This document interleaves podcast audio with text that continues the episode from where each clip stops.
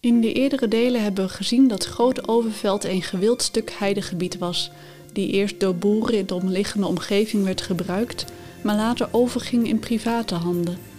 Daarbij ontstonden er in het gebied maar liefst twee voorname hofsteden. één in het noordwesten van het ruitvormig gebied, welke later Bosdal zou heten, en één meer centraal gelegen, allereerst genaamd Rapenburg, maar later omgedoopt tot Masland. Van de oorspronkelijke heidegebieden was niet veel meer over. Veel groeide er niet op dit stukje kale, schrale land. Akkerbouw was lastig in een tijd voordat kunstmest zijn intrede deed. Daarom werden er langzaam stukken bos ingeplant met bomen, zowel mastbomen, die meer geplaatst werden in de omgeving van Rapenburg, en loofbomen, die meer aan de noordwestzijde voorkwamen en tot Bosdal gingen behoren. Toen het gebied in 1772 in handen kwam van graaf Alexander van Bieland, ontstond de behoefte wat groter en comfortabeler te wonen.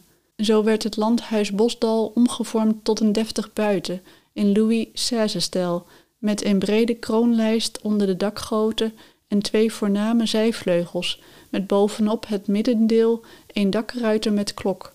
Alexander kocht nog meer landgoederen op in de nabije omgeving, voordat hij het uit handen gaf aan twee van zijn zoons. Otto ontving het noordelijk gedeelte, landgoed Bosdal. Willem Frederik ontving Rapenburg en bouwde in de directe omgeving rond 1804 een nieuw buiten, Mastland. Welkom bij een meeslepende reis door de geschiedenis van landgoed Bosdal. Een waar gebeurd verhaal over een landgoed en haar bewoners in de achterlanden van Beek, het huidige Prinsenbeek. Jonkers, graven en baronnen zwaaien er in de voorbije eeuwen de scepter. In de schaduw van de eeuwenoude eiken en mastbomen verrijzen er meerdere prachtige landhuizen. Onder de glanzende façade van rijkdom en wilde smeulen familiefetes. Een opsluiting in het Muiderslot, een duel op leven en dood, een vrouw die achterblijft met zes dochters, een charlatan die geld, eer en de goede naam ontneemt. Van verzegelde landgoederen om het overgebleven familiefortuin te bewaken tot het opgeven van de adelstand, het geld en het meest dierbare, je eigen familie. Het lijkt een scenario geschreven voor het witte doek, maar vergist u niet, elk van deze dramatische wendingen heeft werkelijk plaatsgevonden. Dus luister terwijl we de vergeten archieven ontsluiten en het verborgen verleden ontrafelen. Dit is het ware drama van Bosdal.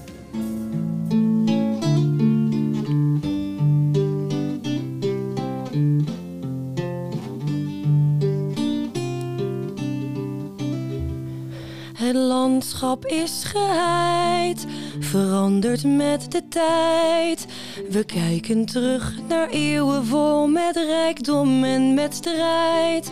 Waar eerst dat mooie landhuis stond, vol wilden en welvaart, ontrafelt zich een drama van formaat. We hebben Bosdal even links laten liggen. Of je kan beter zeggen in het noordwesten laten liggen, toen we ons richten op Masland en de woelige tijden die Willem Frederik moest doorstaan. Er barstte daarbij een felle erfenisstrijd los tussen de kinderen van de eerste vrouw, Mary, en kinderen van zijn tweede vrouw, Aspasia. Het landgoed zelf werd daarbij slachtoffer van de gehele situatie. Duizenden bomen werden gekapt en het landgoed zal nooit meer zo lommerrijk zijn als het ooit geweest was. Maar u hebt het einde nog niet eens vernomen. Het trieste einde van het voorname buiten zelf. Het zal snel na de ontbossing niet langer meer de lust- en rustplaats der zanggodinnen zijn. Voordat we ons daarop richten, doen we een paar stappen terug. Zoals gemeld gaf Alexander senior al tijdens zijn leven te kennen dat zijn oudste zoon, Otto, Bosdal zou ontvangen en dat hij voor zijn derde zoon, Willem Frederik, een deel van het landgoed met hofstede Rapenburg had bedacht. Ten tijde dat Alexander Rapenburg voor 7000 gulden verkocht aan zijn zoon Willem Frederik, ging Alexander ook over op de verkoop van een gedeelte van landgoed Bosdal. Op 14 oktober 1805 vond de transactie plaats bij de notaris. Otto kocht 20 bunden grond ten noorden van Bosdal. Het wordt omschreven als een gebied gelegen tussen de zogenaamde dwarsdreef en de Nieuwveerse hekken aan de noordoostelijke gedeelte van Bosdal, bestaande uit schaarbossen, bomen, mitschaders, zaai en weilanden voor 10.000 gulden. Jaren gaan voorbij. Ik vraag me af hoe het er in de zomermaanden moet hebben uitgezien. Alexander, die als opa uitkijkt naar de komst van zijn kinderen en kleinkinderen. Willem Frederik met zijn Mary, die in de zomer van 1808 hoogzwanger rondwaggelt met twee peuters aan haar rokken. Otto, die wellicht ook in de zomer af en toe de verre reis vanuit Voorhout maakt met zijn vrouw Agatha en dan bij zijn vader in het landhuis verblijft. Praten ze over de laatste boeken die ze gelezen hebben, de nieuwe renpaarden van Otto, of het besluit van Lodewijk Napoleon die recent heeft verkondigd dat Amsterdam de hoofdstad van Nederland zou zijn. Hoe dan ook. Het zijn gelukkige jaren voor de familie van Bieland. Otto is burgemeester van Voorhout en kamerheer van Hortense, de vrouw van Lodewijk Napoleon. Een mooie baan voor de zoon van Alexander, die iets meer dan tien jaar geleden zo snel Breda opgaf aan het legertje Fransen. Zo moeten de jaren zijn verstreken voor patriarch van de familie, levend in rijkdom, in de achterlanden van Beek. Zijn personeel zorgt goed voor hem. Het kacheltje wordt flink opgestookt als de winter in aantocht is en zijn oude botten verstijfd raken van de kou. Wollen borstrokken en s'nachts een slaapmuts houden hem warm. Maar Alexander heeft niet het eeuwige leven. Op een voor die tijd rijpe leeftijd van 76 jaar overlijdt hij op 16 mei 1819 op zijn geliefde landgoed Bosdal.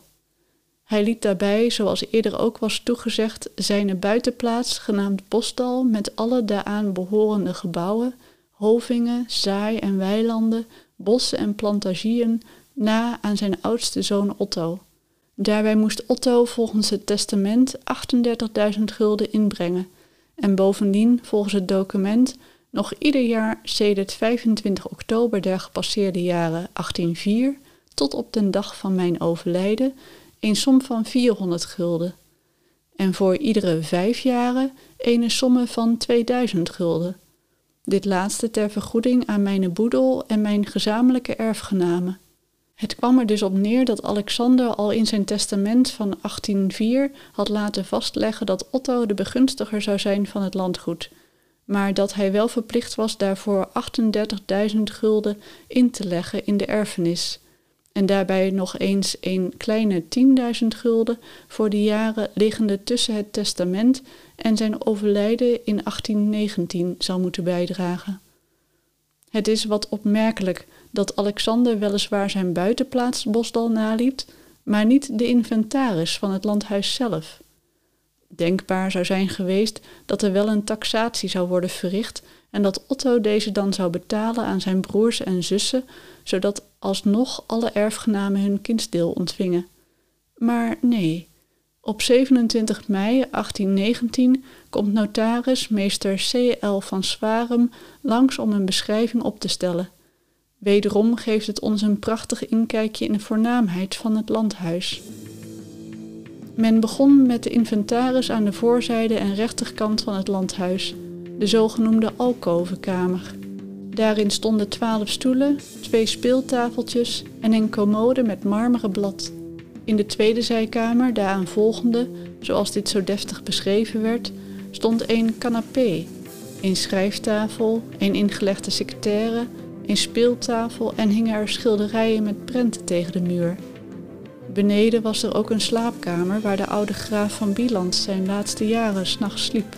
Er stond een ledikant, een nachtcommode, een nachtkastje, een laktafel, een pendule, twee tafeltjes met toiletvoorzieningen en er hingen daar vele prenten en schilderijen aan de muren. In de zogenoemde gewone eetkamer werd er op gewone dagen gegeten. De ruimte had een schoorsteen van marmer en er waren twaalf stoelen met zwarte zittingen en een uitrektafel met twee zijstukken. Ook stonden er twee mahoniehouten boekenkastjes en een kastje van mahoniehout. Ook hier hingen er weer volop prenten, tekeningen en schilderijen aan de muren. In de salon trof men bij de haard twee vuurschermen aan en stonden er maar liefst twaalf voor thuis, een canapé, een ronde mahoniehouten tafel en een pendule. Er waren ook zo beschreven Oost-Indische tafeltjes en in de vensterbanken lagen kussens. De grote eetzaal was er voor gasten en feestdagen. Deze zaal was voorzien van een kachel en er stonden maar liefst 18 stoelen met zwarte zittingen. Een buffet, lantaarns, vier stoven, huisklok, glazen ganglantaarns en een speeltafel. Ook maakte de erfenis nauwkeurig melding van talloze serviezen, porseleinen visschotels, soepterrines en een blauw tafelservies bestaande uit maar liefst 178 stuks. Daarnaast lag de provisiekamer, die eveneens met kachel verwarmd kon worden. Vervolgens werd de keuken geïnventariseerd, welke een prachtig fornuis moet hebben gehad. Daarnaast stond er een tafel met acht stoelen en trof men hier allerlei blikken, koperen pannen, koffieketels, waterketels, koekenpannen, soepborden en een mand met 24 lepels en 21 vorken, een boutijzer, een blaaspijp en een nachtlampen aan. Boven de keuken was er een aparte kamer. Er wordt tenminste melding gedaan van kamer boven de keuken. Dit leek meer een opslagruimte te zijn, met een pers, twee kleerkasten, vijf stoelen, een ladetafel, visgerij, touwen, wasmanden en korven. In een kamer naast de keuken stond een ledikant met bed en stroozak, drie stoelen en een kabinetje. En daar weer naast hangen er twee lange gordijnen bij de grote ramen. Staat er een tafel, een secretaire, een eiken ladetafel, een bed en nog een tafeltje met daarop een lampetkam en kom. Ook hier was er een kachel aanwezig. Zou hier de dienstknecht hebben gewoond? Volgens het testament laat Alexander al zijn kleding achter aan ene Bartholomeus van Ekeren, plus nog eens 1400 gulden, een enorm bedrag voor de man die waarschijnlijk gezien kon worden als de butler. De opsomming gaat verder met wederom een ruime slaapkamer, waarin een ledikant met bed, stroozakken, twee tafeltjes en een nachttafeltje staan. Daarnaast wordt er nog een spiegel, een lapetkan en kom, twee stoelen en een ingelegde secretaire opgetekend. Ook dit vertrek kon worden verwarmd via een ijzeren schoorsteentje met lode plaat. Zou hier de juffrouw haar intrek hebben gehad, mevrouw Henriette Verploeg, die vanaf 1814 op het landhuis woonde en die bij zijn overlijden 1200 gulden ontving met de omschrijving zulks als een geringe blijken van de ware achting die ik haar edele toedraag. Nog eens op de eerste verdieping maakte notaris ook melding van een boekenkamer. In deze ruimte bevonden zich zestien stoelen en een ronde tafel met groen laken. Een vuurscherm voor de kachel en veel verschillende kasten met gordijntjes ervoor, waar veel zilveren serviezen, zilveren bestek, zilveren soepkommen, azijnstellen, kandelaars en zilveren kannen stonden. Verder waren er veel boeken, tegen de muren hingen familieportretten, maar ook tekeningen en schilderijen. Daarnaast waren er honderden tafelservetten en handdoeken en heel wat tafellinnen. Daarna leek het gezelschap naar boven te gaan en daar een bovenkamer te bezoeken die was ingericht als slaapkamer met ledikant en bed, de onmistbare lampetkan en kom, een canapé, zes stoelen, twee fauteuils, een ladetafel en een bureau. Daarnaast bevond zich een kabinetje, een wat kleinere ruimte met daarin zes stoelen en een kastje. Ook had het landhuis een eigen badkamer, een unicum voor die tijd. Daarin stond een groot koperen bad. In de provisiekamer stond een allegaartje aan spullen. Naast de tafel werden ook bierkannen, blikken, kolenemmers, waterpotten en ketels en een beddenpan aangetroffen. In een bijzonder grote kamer daarnaast stonden er maar liefst elf fauteuils, verschillende tafels en een mahoniehouten bureau met nog een nachttafel. Er was ook nog een tweede kabinetje met bed, schrijftafel en ladetafel. Het kan goed zijn dat het gezelschap zich inmiddels in de linkervleugel bevond, waar ook het koetshuis was gelegen, volgens de tekeningen van Dirk Verrijk. Men had het in ieder geval over een bovenkamer bij de stal, waar zich een ledikant, twee glasgordijnen, een nachttafeltje, veertien stoelen, twee fauteuils en een toilettafel bevonden, met wederom ernaast een kabinetje waarin slechts mahoniehouten secretaire en een ronde theetafel werden gemeld. De kamer aan het einde van een gang was weer een slaapkamer met ledikant, ladetafel, nachttafel en twee tafeltjes met lampetkam en kom als ook acht stoelen. De gang zelf was ook niet leeg te noemen. Daarin stonden een dekbedje, twee Oost-Indische kisten, een kabinet en een kleerkast met acht zijden gordijnen.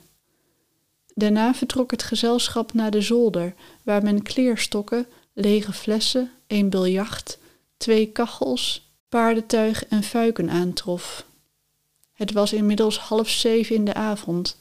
Mogelijk doordat het daglicht snel afnam, besloot men de volgende dag weer verder te gaan. De volgende dag begon men met nog een zijkamer beneden, die klaarblijkelijk in eerste instantie was overgeslagen.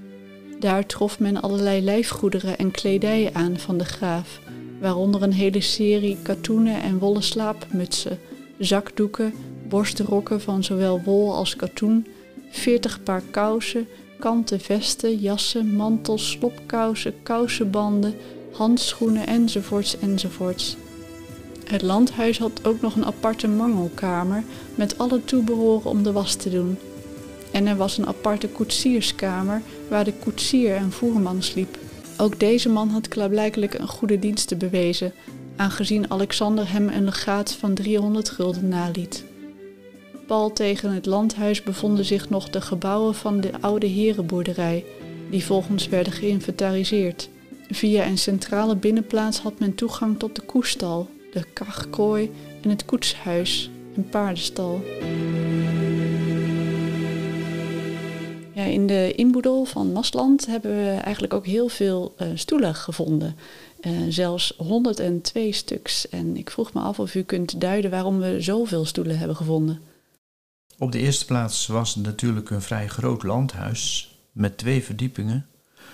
En uh, ja, toch wel een kamer of veertien. En als je dan de stoelen verdeelt over al die kamers, ja, dan zijn het er nog steeds veel. Maar het was ook gericht op het ontvangen van personen. Wellicht waren er niet echt uh, bankstellen. Uh, en in die tijd zat je ook graag wel individueel op een stoel en niet tegen iemand anders aan. Dus misschien moeten we het ook in dat licht bekijken. En dan is het prettig als je een ontvangst hebt dat er altijd uh, stoelen in de buurt zijn, lichte en zware. Ja, en de lichten kun je dan plaatsen op de plek waar jij dan even plaats zou willen nemen en met wie je zou willen gaan spreken. Misschien moeten we het op die manier bekijken.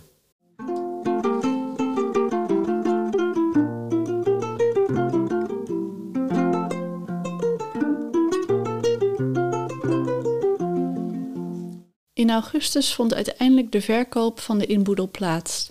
Men had twee volle dagen nodig om alles onder de hamer te krijgen. Van ochtends 9 uur tot s middags 5 vond er op Bosdal zelf de verkoop plaats. Ik ben benieuwd hoeveel mensen erop af zijn gekomen. Zou het mooi weer zijn geweest, zodat ze het in de tuin hebben gedaan? Of zouden ze alle hutje-mutje gewoon de kamers langs zijn gelopen, waar het voorwerp ter verkoop direct kon worden getoond? Zouden er veel mensen uit de Beek, Prinsenhagen en Breda een kijkje zijn gaan nemen? Misschien niet zozeer om te kopen, als wel om te zien wat die oude heer nu allemaal in huis had gehad. Wederom was notaris van Zwarem aanwezig om alles in juiste banen te leiden. In het verkoopverslag, waar alle kopers worden opgesomd, staat ook Alexanders buren benoemd en zijn eigen dienstpersoneel. Maar er zijn ook officiële handelaren zoals A.P. Levy en A. Polak uit Breda die hun slag sloegen. Het grote koperen bad ging onder de hamer voor maar liefst 38 gulden. Pastoor Ome, de eerste pastoor van Beek, die sinds kort een eigen parochie had, deed mee aan de biedingen. Hij kocht een koperen bel, een glazen roomkan, glazen potten en tot slot het kostbare blauwe tafelservies voor 65 gulden. De zoons kochten uiteraard ook het een en ander, waarbij Otto veruit de grootste koper was. Hij had immers ook een landhuis om weer mee te vullen. Dus vele serviezen, gordijnen, tafels, stoelen en fauteuils, ledikanten en stroozakken kwamen weer terug op Bosdal. Er waren uiteindelijk 102 stoelen onder de hamer gegaan, waarbij er versies waren met zijdenzittingen en versies met grote damasten kussens. Ook 16 fauteuils waarvan er zes met gele bekleding en zes met een groene zitting vijf canapés, circa veertig tafels, waaronder schrijftafels, theetafels, speeltafels en secretaires. vijftien bedden en twaalf ledikanten, kostbare pendules, verschillende hout- en kolenkachels, ijzeren haarden, vuurschermen, olielampen, diverse boekenkasten, cilinderbureaus, kabinetten, toilettafels, commodes en eindeloze aantallen gordijnen, tapijten en vloerbedekkingen. Alleen al uit de keuken kwam een macht aan voorwerpen, zoals boterpotten, melkkannen, haverkisten, bak, braad- en kookvoorzieningen en een hele hoop thee- en koffieserviezen. Uiteindelijk leverden de twee verkoopdagen een aanzienlijk bedrag op van 6000 gulden. Het geeft opnieuw een inkijk hoe rijk het landhuis moet zijn ingericht. Otto was na de betaling van de aangekochte inboedel en het inleggen van de kleine 48.000 gulden de nieuwe eigenaar geworden van landgoed Bosdal. Hij handelde ook de erfenis van zijn vader af. Zo betaalde hij de personeelsleden uit, die in Alexanders testament waren genoemd. Maar liefst tien man aan personeel bleek er in de twintige jaren van de 19e eeuw op Bosdal permanent te wonen. En dan had je nog de seizoensarbeiders, zoals drie tuinlieden en dagloners die meehielpen op de aanpalende boerderij. Toch zag het personeel hem daar niet vaak. Ook Otto's broer, Willem Frederik, zal niet vaak op Overveld zijn geweest. Zijn vrouw Mary was immers het jaar ervoor overleden in Brussel en hij moest naarstig op zoek naar een nieuwe vrouw voor zijn kinderen. Wel bleven Otto en Willem Frederik het land opkopen in het gebied. Naast het land kochten de broers ook vastrentende staatsschulden en buitenlandse effecten op. Vele tienduizenden guldens investeerden ze hierin. Het waren typische aankopen voor de vermogende aristocratie. Ten tijde van de overdracht van Bosdal en de splitsing van landgoed Masland had een landmeter, ene Arnoldus Hermanus Doctors van Leeuwen, bijzonder nauwkeurig het land opgemeten en aangegeven waarvoor de gronden gebruikt werden. Met ingewikkelde berekeningen kon daarmee immers worden bepaald hoeveel belasting men moest betalen. Op Bosdal en Masland is de hoeveelheid bouwland procentueel ongeveer gelijk. Het betreft een kleine 30% van het totale oppervlakte. Maar Masland heeft dan al ontzettend veel naaldbomen, terwijl Bosdal juist grotendeels verscholen lag onder de majestueuze eikenbomen. Bosdal bevat op dat moment geheel geen heide meer en Masland nog maar mondjesmaat. Zo verandert er jaren weinig op de landgoederen. De ossen worden ingezet om het bouwland elk voorjaar om te ploegen. Nog altijd is men gebonden aan de mestopbrengst van het vee, die de omvang van de landbouw bepaalt. Een twintigtal schapen worden door een herder door het heidegebied geleid. Acht koeien zorgen voor melk en vlees. Het leven kabbelt langzaam voort, terwijl de heren van stand voornamelijk elders vertoeven. Otto maakt verdere carrière. Napoleon wordt verdreven en stadhouder Willem V keert uit Engeland terug. Daar benoemt hij zichzelf in 1813 eerst als vorst der Nederlanden en vanaf 1815 roept hij zichzelf uit tot koning Willem I. Otto weet net als zijn vader en broer goed met alle bestuurlijke winden mee te waaien en wordt al snel benoemd tot honorair kamerheer van de koning. Hij was immers belast met de studie van de erfprins Willem V, toen deze nog student was aan de Leidse Hogeschool. Door deze taken verbleef hij met zijn vrouw voornamelijk in Voorhout. En Willem Frederik, die inmiddels opnieuw getrouwd was met la belle Hollandaise Aspasia, woont in Brussel. En als Otto dan op het landgoed is, bedenkt hij plannen tot verdere verfraaiing. Ik weet niet of wij met onze moderne blikken het ook nog tot verbetering zouden bestempelen. Bij het in cultuur brengen door de allereerste edelen zorgde het turf- en plaggensteken reeds tot rechte lanen. Maar er waren nog altijd kronkelige zandwegen in het gebied die min of meer natuurlijk waren ontstaan bij zandverstuivingen en hoogwater. Ook deze liet de graaf rechtleggen. Zo dankt de kettingdreef zijn bestaan aan de wens van Otto om brede voorname dreven aan te leggen. Ook de zeer kronkelige Essendreef werd rechtgetrokken en kreeg ook twee statige pilaren aan de noordzijde met dekstenen waarop stond bos en dal. Hiermee kon hij de weg afsluiten voor onbevoegden. Als zijn vrouw Agatha is overleden en hij kinderloos wil terugtrekken uit het openbaar leven, besluit hij, net als zijn vader voor hem had gedaan, zich permanent op Bosdal te vestigen. Zijn broer Willem Frederik, die met zijn tweede vrouw Aspasia in 1834 definitief op Mastland woont, heeft hem misschien hiertoe overgehaald. Zouden deze twee heren van de adel vaak een wandelingetje hebben gemaakt langs de lanen en dreven die ze zelf hadden aangelegd? Beide landhuizen liggen slechts 500 meter van elkaar vandaan. Otto besluit in 1854, hij is dan al 88 jaar oud, dat hij een volledig nieuw landhuis laat bouwen. We weten niet goed waarom. Was de eerdere versie verzakt of te veel aan slijtage onderhevig? We denken niet dat er sprake was van brand, dan had het wel in een krant gestaan. Of was het gewoonweg niet meer in de mode? Hoe dan ook, het voorgaande wordt gesloopt en er komt een nieuw landhuis in neoclassistische stijl. Het wordt gebouwd op de eerdere fundamenten, maar bevat nu slechts twee woonverdiepingen in plaats van drie.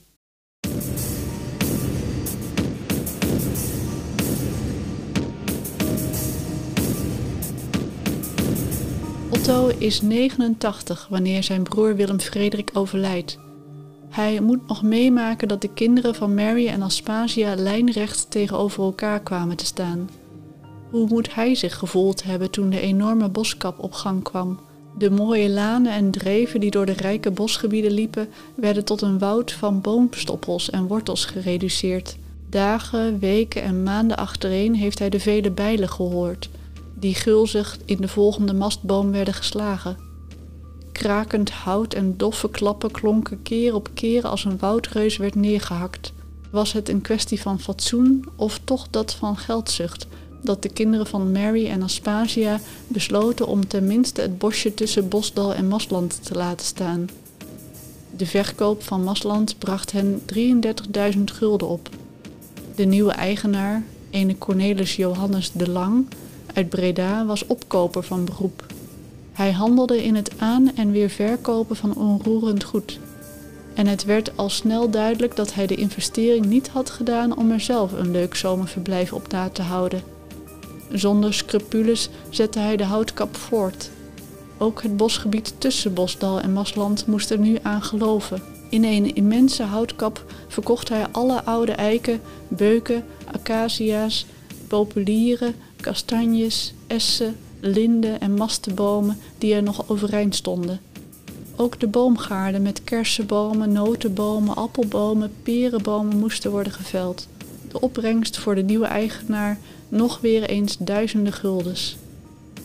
Alleen de allerlaatste fase maakt Otto niet meer mee. Minder dan twee maanden na zijn dood plaatst de heer De Lang een vooraankondiging in de Haarlemse Courant. In mei zal volgens de advertentie publiek voor afbraak worden verkocht kasteel Mastland, waaronder zeer grotere marmeren tegels, marmeren schoorstenen, spiegels, fraaie eikenhouten porte-brisées, enzovoorts enzovoorts. Ook in de Bredaanse Courant verschijnt er een vergelijkbare aankondiging. Puideuren, schoorsteenmantels, lange eiken zonneblinden, met kozijnen en ramen alsmede arduinen, stenen dorpels, stenen, plavuizen, tengelwerk, lijstwerk, planken, ijzerbeslag, werkelijk alles wat los en vast zit, wordt verkocht. Ja, in het archief we hebben eigenlijk best wel veel dozen gevonden. En ehm, elke doos die is prachtig genummerd. Dus we hebben hier een archiefdoos en dat heet 1.10.90.01. En daarin zit dan een supplement. En uh, nummer 15 geeft hierbij dan een plattegrond aan. Eigenlijk een heel groot blad hebben we voor ons. Kunt u duiden wat we hier zien? We zien een deel van de Engelse landschapstuin die het uh, landhuis Masland omgaf. We zien wat uh, boomaanplant en we zien wat dreven, als ik het zo mag omschrijven, met bomen erlangs. De aanrijroute naar het landhuis en ook de plattegrond van de begane grond en de plattegrond van de binnenplaats. Want aan de andere kant daarvan lag het koetshuis en ook daarvan vinden we dan de plattegrond. Keurig ingemeten door destijds landmeter Dokters van Leeuwen, een bekende naam in de Nederlandse historie. Want die heeft op meerdere plekken ook Bosdal, uh, land ingemeten. Het was eigenlijk in een tijd uh, dat het kadaster dat nog niet helemaal uitvoerig had gedaan. Dat is ook pas uh, na de Franse tijd ingevoerd, dat alle percelen moesten worden ingemeten. Voornamelijk met als doel daar dan evenredig belasting over te heffen. Maar deze persoon, dokters van Leven, heeft dat op verzoek van Otto Anne op uh, Bosdal en Willem Frederik op Maasland al heel zuiver gedaan. Het is niet alleen een plattegrond, maar ook een soort uh, aanzicht uit de lucht, omdat hij de boompjes die erop staan zelfs nog van schaduw heeft voorzien. Het ziet er zeer artistiek uit en heeft in de plattegrond van zowel het landhuis als die van de stal ook opgetekend hoe de bewoners de diverse ruimtes hebben genoemd en waar ze voor dienden. Het ooit zo voorname landhuis wordt volledig kaal en leeg en vervolgens omvergetrokken. Daarna besluit de heer De Lang het land zelf in veertien percelen op te delen en te verkopen. Het is onduidelijk waarom de kavels niet zijn verkocht. Het lijkt erop dat hij geen van de bieders uiteindelijk de kavels heeft gegund. Als de heer De Lang zelf na tien jaar overlijdt, heeft hij nog altijd het land in bezit. Het wordt door zijn erven alsnog verkocht. Ze proberen het nog wat te laten lijken door in de advertentie te zetten bijzonder geschikt tot de aanleg van enige buitenplaats. Maar het zal er niet meer van komen. Ook de opbrengst van het land valt voor de erfgenamen tegen. De Lang had zelf gekocht voor 33.000 gulden, maar ze krijgen er in totaal niet meer dan 19.000 gulden voor. Deze laatste verkoop in 1868 betekent het einde van landgoed Masland. De volgende eigenaren dempen de visvijvers en kappen de laatste bomen. Het is triest dat het ooit zo voorname landgoed Masland op deze wijze geheel is weggevaagd. Alleen de Maslanddreef herinnert ons nog aan het ooit zo voorname landgoed. Daar waar ooit de muziek van Aspasia heeft geklonken, is er niets meer wat ons aan die voorname tijd doet herinneren. Hierbij hoort u nog een laatste liedje uit het liedboek wat Willem Frederik ooit zijn beminde tweede vrouw gaf en wat meer dan 200 jaar geleden geklonken moet hebben op een steenworp afstand van de huidige Mastlanddreef.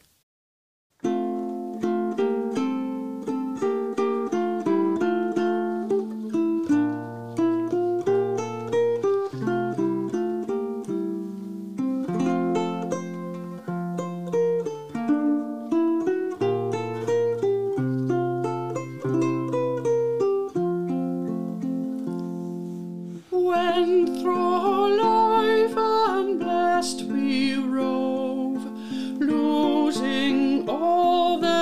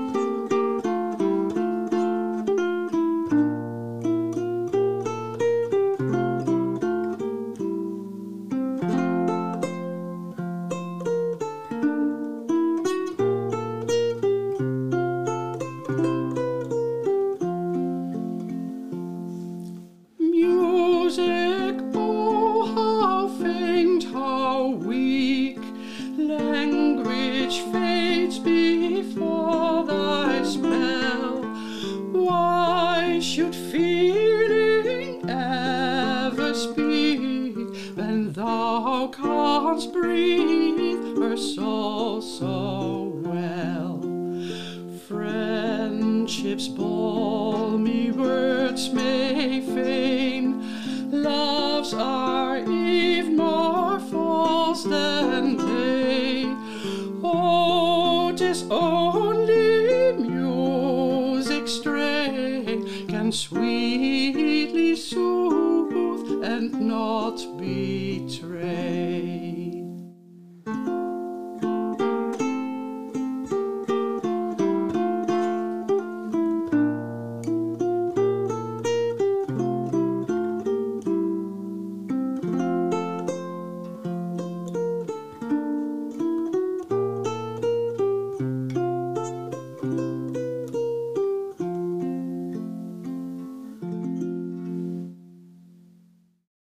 Otto heeft zelf nooit kinderen gekregen, maar hij blijkt een affiniteit te hebben voor zijn nichtje Anna, de eerste en enige dochter van Willem Frederik en Mary.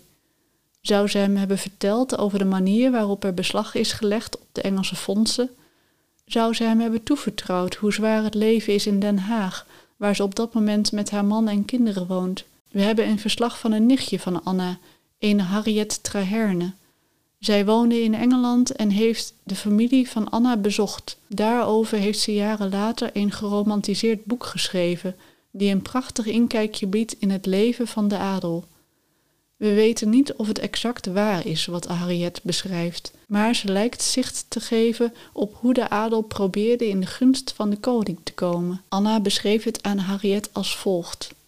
Wij waren gedwongen om in Den Haag te wonen en aan het hof te verschijnen. We wachten en hoopten dat mijn man eindelijk een aanstelling zou krijgen. De strijd was toen zeer, zeer hard. We hadden slechts een inkomen van 2400 gulden per jaar. We konden maar één dienstbode houden, dus je begrijpt hoeveel ik te doen had voor de kinderen. Wanneer ik de gehele dag druk in de weer was geweest, moest ik mij kleden om aan het hof te verschijnen. Hoe dikwijls wenste ik dat ik in plaats daarvan naar bed kon gaan. Maar het was mijn plicht, want de carrière van mijn man hing er vanaf. Daarom kleedde ik mij zo goed als ik enigszins kon. In die dagen was ik heel mooi. Mijn eenvoudige toiletten stonden mij zeer goed en mijn man riep vaak uit: Tu es belle, chérie. Dat monderde mij op. Dat was mijn beloning en maakte dat ik me weer vrolijk en gelukkig voelde. Ik nam deel aan de vrolijke dans, het zingen en het garades. Ik amuseerde mij met alles. De koning en de koningin onderscheiden ons boven velen. Zij beloonden ons met veel vriendelijke welwillendheid. En eindelijk kreeg mijn beste man een mooie aanstelling. Tot tweemaal toe werd hij tot gouverneur benoemd, met een hoog salaris.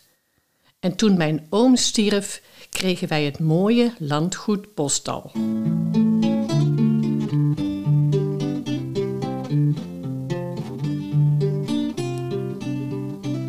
Anna wordt dus de begunstigde die het landgoed Bosdal erft toen haar oom op 91-jarige leeftijd overleed. In het testament laat hij daarbij niet alleen het landhuis na, maar ook vier boerderijen en twee arbeiderswoningen, tuinen, bouw- en weilanden en bossen ter grootte van 105 bundig, dus 194 voetbalvelden.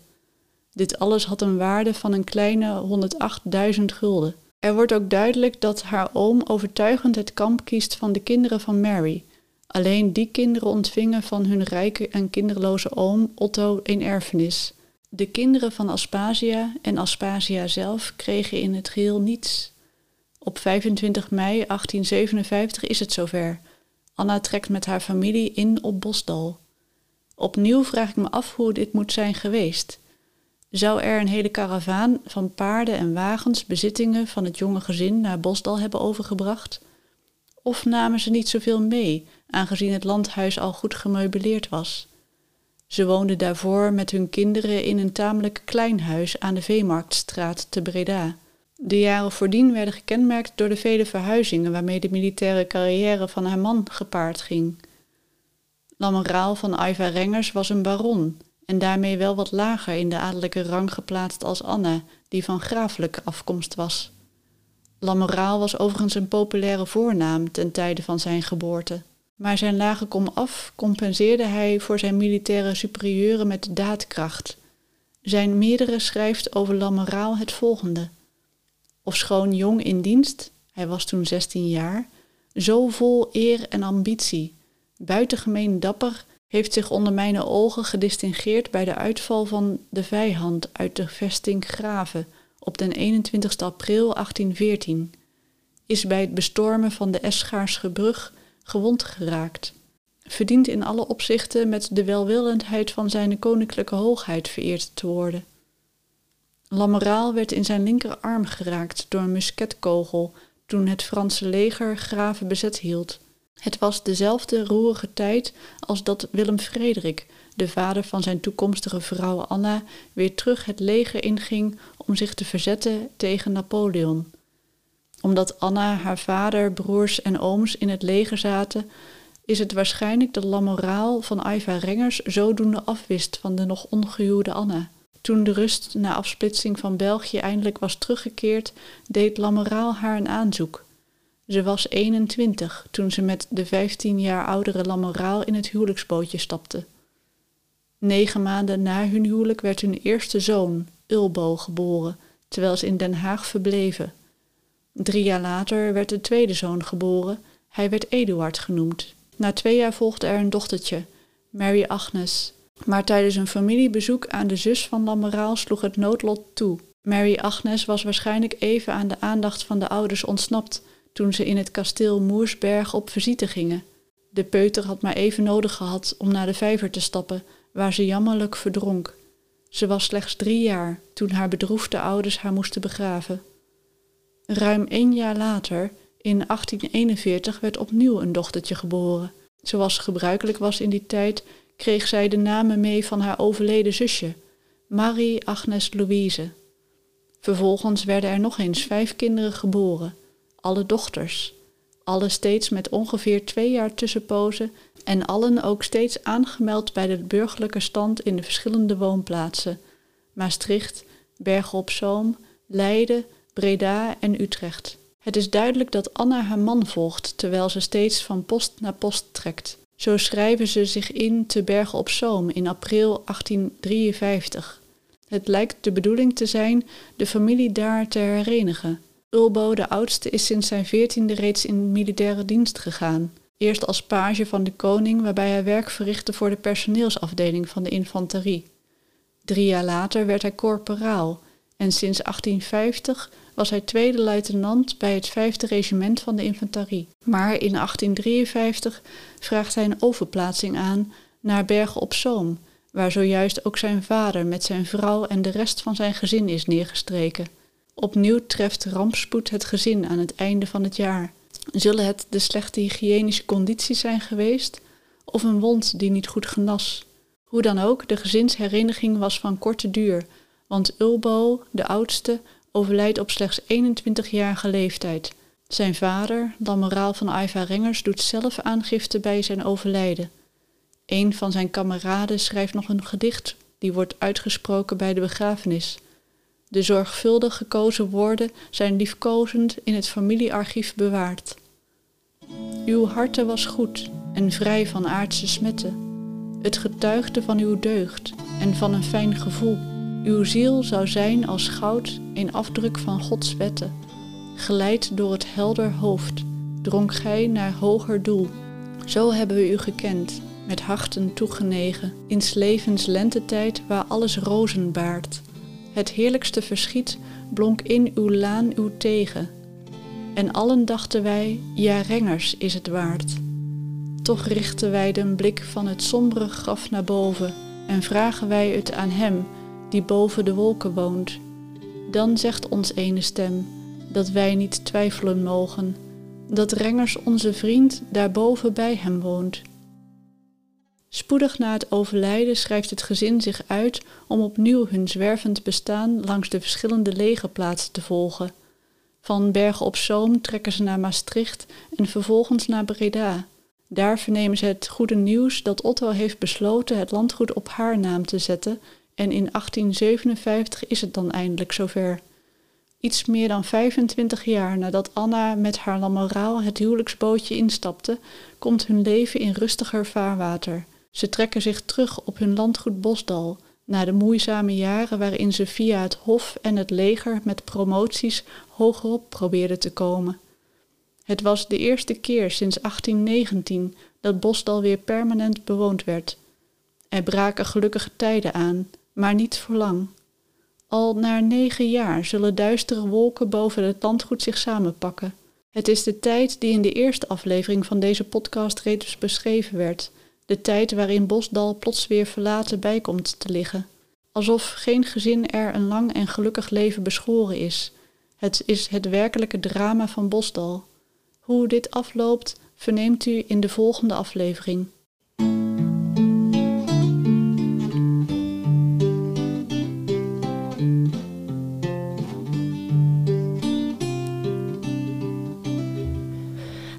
Landschap is geheid, verandert met de tijd. We kijken terug naar eeuwen vol met rijkdom en met strijd. Waar eerst dat mooie landhuis stond, vol wilden en welvaart, ontrafelt zich een drama van formaat. Deze podcast begeleidt het boek van de Heemkundekring Op de Beek, genaamd Landgoed Bosdal, een verborgen verleden. Het boek onthult het volledige verhaal van het landgoed, gedetailleerd en verrijkt met talloze afbeeldingen. De auteurs Chris Peters en Sjoerd Eventens hebben nauwgezet door de vergeten archieven gespit om het ware verhaal te reconstrueren. Dit vormt het laatste deel van een drieluik, voorafgaand door twee geromantiseerde verhalen die de roemruchte geschiedenis van Bosdal belichten. Voor informatie over de boekverkoop ga naar de website van onze Heemkundekring hk-opdebeek.nl en selecteer submenu winkel. Meer informatie is ook te vinden in de show notes. Vond u het leuk om te luisteren naar de podcast? Help ons dan door het met anderen te delen of ons een like of een review te geven.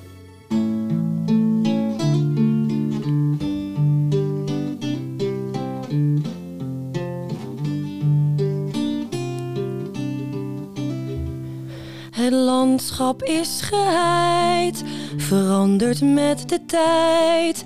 We kijken terug naar eeuwen vol met rijkdom en met strijd. Waar eerst dat mooie landhuis stond, vol wilden en welvaart, ontrafelt zich een drama van formaat. Archieven ontsluit, bekeken en geduid. Dramatisch lot waar liefde en verdriet zich in verschuilt. En op de beek een oud landhuis, het verhaal is daar ontstaan. Hij kwam en zag, bleef lang verzegeld staan.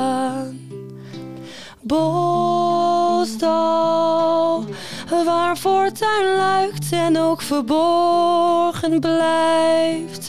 Bedrog zo kunstig, de onschuld in lijft. Het lijkt zo waar een eng verhaal.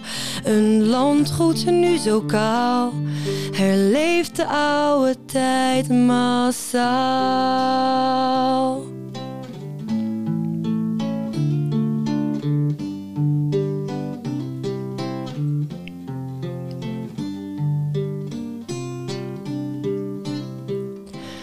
Bostal put kracht, haalt energie en pracht. Uit Beekse mensen samen steeds actief met man en macht. Het leven ook het avontuur, de mensen, de muziek. Want dat maakt de beek zo uniek.